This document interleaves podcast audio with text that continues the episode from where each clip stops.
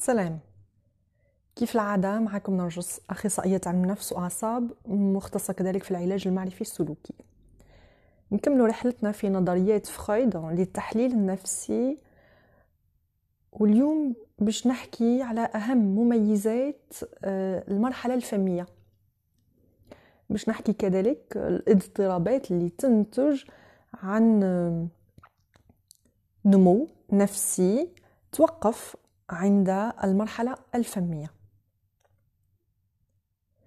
كيف سبق وقلت عند الولادة تصير حالة توحد بين قوسين بين المولود والأم تاعو يعني une relation fusionnelle نحكيو على علاقة وارتباط شديد جدا بين الأم والمولود تاعها. في الأغلب هذا إذا ما كانش اضطرابات أو أمراض عقلية عند الأم. أو اكتئاب في بعض المرات وين الأم ترفض المولود تاعها و... وراح تكون عندها بعض السلوكيات اللي تخلي لونتوراج يتقلقوا ويشوفوا باللي سلوكياتها ماهيش طبيعية. اذا في هذه حاله التوحد بين المولود والأم تاعو الوسيلة الوحيدة للاتصال هي التغذية. التغذية سواء عن طريق الرضاعة عن طريق الثدي أو عن طريق الرضاعة هذه التغذية رايح يعتمد فيها آه، الطفلة الرضيعة على الفم تاعو. ولو أنه الاتصال كذلك بين المولود والأم تاعو يقدر يتم عن طريق اللمس عن طريق البشرة. لهذا نلقاو آه، بعض الرضع صغار عندهم ليكزيما آه، حساسية تاع الجلد آه، نلقاو كذلك بعض الرضع هذا لأنه كاين نقص في الاتصال آه، عن طريق اللمس عن طريق البشرة مع لا بروميير فيغور داتاشمون اللي هي الأم. آه، نلقاو كذلك بعض الأطفال يعانيوا من الربو أو من من بعض الحساسية على مستوى الصدر. عندها تفسيرات كثيرة آه، في علم النفس النفس جسدي بالخصوص لا بسيكوسوماتي نغلق القوس. كيف قلت في أي مرحلة لا تفريط ولا إفراط. لأنه التفريط رايح يؤدي إلى اضطرابات نفسية والإفراط كذلك رايح يؤدي إلى اضطرابات نفسية فيما بعد.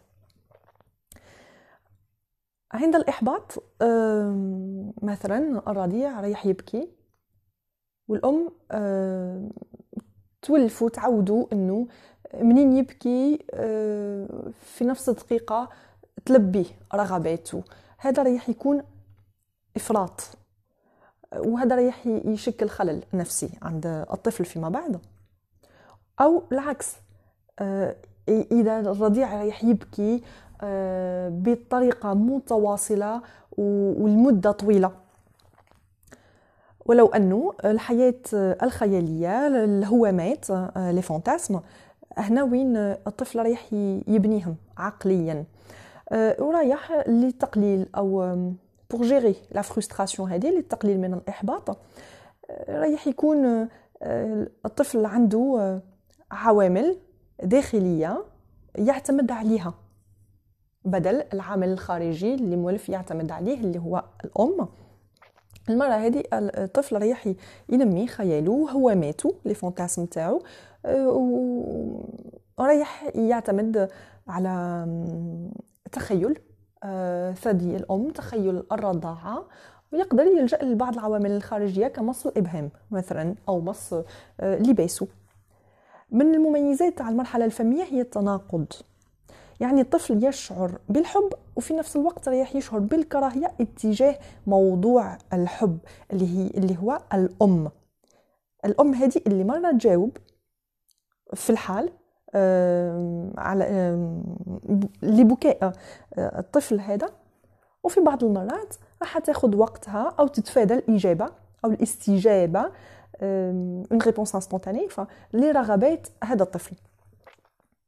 في عمر الثمان أشهر في هذه المرحلة كما قلنا سبق وقلت في المرحلة الفمية هي في الشهور الأولى في مدة الرضاعة في عمر الثمان أشهر كاين حالة قلق معروفة جدا في في المجال تاع الطب النفسي.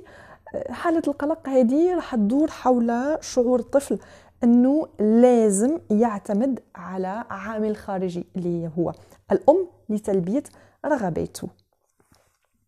ومن غير الأم الطفل في عقله الصغير راح يقول إنه من غير الأم رغباته ما رايحاش تلبى في هذا العمر رايح ينزاح واحد الغشاء على العينين نتاع الرضيع ورايح يرجع يميز بين الوجوه ورايح يفرق وجه أمه من وجه أشخاص آه، الوجوه الأخرى تاع الأشخاص على المحيط.